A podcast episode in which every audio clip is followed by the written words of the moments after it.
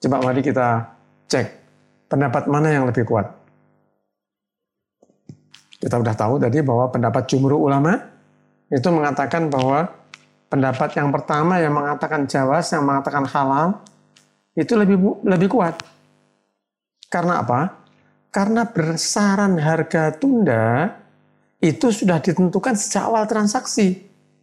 Ketika sang pedagang berkata, saya jual dengan harga sekian untuk bayar tunda waktu tertentu. Jadi sudah tertentu nilainya itu. Adapun bila dijual dengan nilai tertentu ketika jatuh tempo pembayaran harus dibayar dengan tambahan, maka itu jelas riba. Karena ada tambahannya di sini. Tapi dalam transaksi ini itu sudah jelas. Kalau cash sekian, kalau bayar tunda itu sekian. Sekian yang lebih mahal daripada cash. Artinya sudah ditentukan dari awal. Jadi itu bukan tambahan, itu bukan riba. Mari kita lihat lagi tentang etika bisnis. Yaitu pembahasan berikutnya. Sesuai dengan ayat yang pertama kali saya baca tadi, mengatakan bahwa, Hai orang-orang yang beriman, janganlah makan harta sesama kamu itu dengan cara yang batil, kecuali dengan cara perdagangan yang saling ribo. Saudara, kalau kita mencari nilai etika bisnis dalam Islam, ya etika bisnis ya seluruh ajaran Islam itu. Iman dan takwa tidak bisa dipisahkan dari pribadi seseorang. Seorang muslim harus menerapkan akhlak mulia dalam segala tindak dan sikapnya. Penerapan iman ini dalam bermuamalah adalah wujud dari mengamalkan ajaran syariah Islam. Sehingga aturan muamalah yang telah didapatkan oleh para ulama yang bersumber dari Al-Quran dan hadis itu merupakan kewajiban bagi seorang muslim. Saudara, dalam surah At-Taghabun misalnya, Allah berfirman, A'udzubillahi rajim fattaqullaha mastata'tum. Wasma'u wa ati'u wa anfiqu khairal li anfusikum. Dalam ayat ini Allah berfirman, bertakwalah kepada Allah. Semampumu. Dengarlah, taatlah, berinfaklah yang baik-baik untuk dirimu. Kemudian dalam hadis Rasulullah Shallallahu Alaihi Wasallam itu menasihatkan kepada kita semua. Hadis ini ada yang diterima oleh Muhammad bin Jabal, ada yang oleh Abu Dhar. Bunyinya begini. Ittaqillah haitsuma kunta.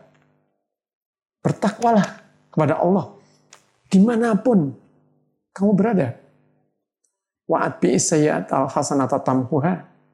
Dan segeralah berbuat kebaikan kalau kamu berbuat dosa maka kebaikan itu akan menghapus dosa. Dan wahalikin nasa bihulukin hasanin. Dan bergaulah dengan manusia dengan akhlak yang mulia. Saudara, dalam berbisnis ini seorang muslim harus menerapkan budi yang mulia kita tahu semua ajaran Islam itu adalah akhlak, akhlak yang mulia. Barang siapa tidak menerapkan akhlak yang mulia, ya jauh dari nilai Islam. Budi luhur itu harus diterapkan dalam proses bisnisnya, menangani pelanggan, menghadapi pemasok, bekerja secara positif, positif dengan para pesaing.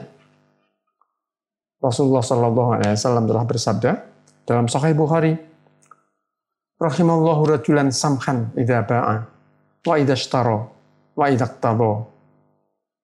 Allah Subhanahu wa taala itu menyayangi seseorang yang berperilaku menerapkan budi luhur ketika membeli, ketika menjual dan ketika mengambil haknya dia sendiri.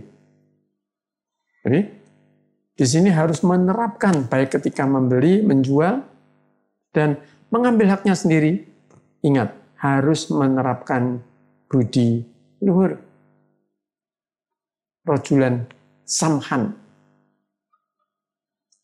Saudara, kemudian kalau dalam utang piutang, seorang yang berdagang atau yang punya usaha, mesti ada hubungan. Hubungan saling berpiutang atau berutang.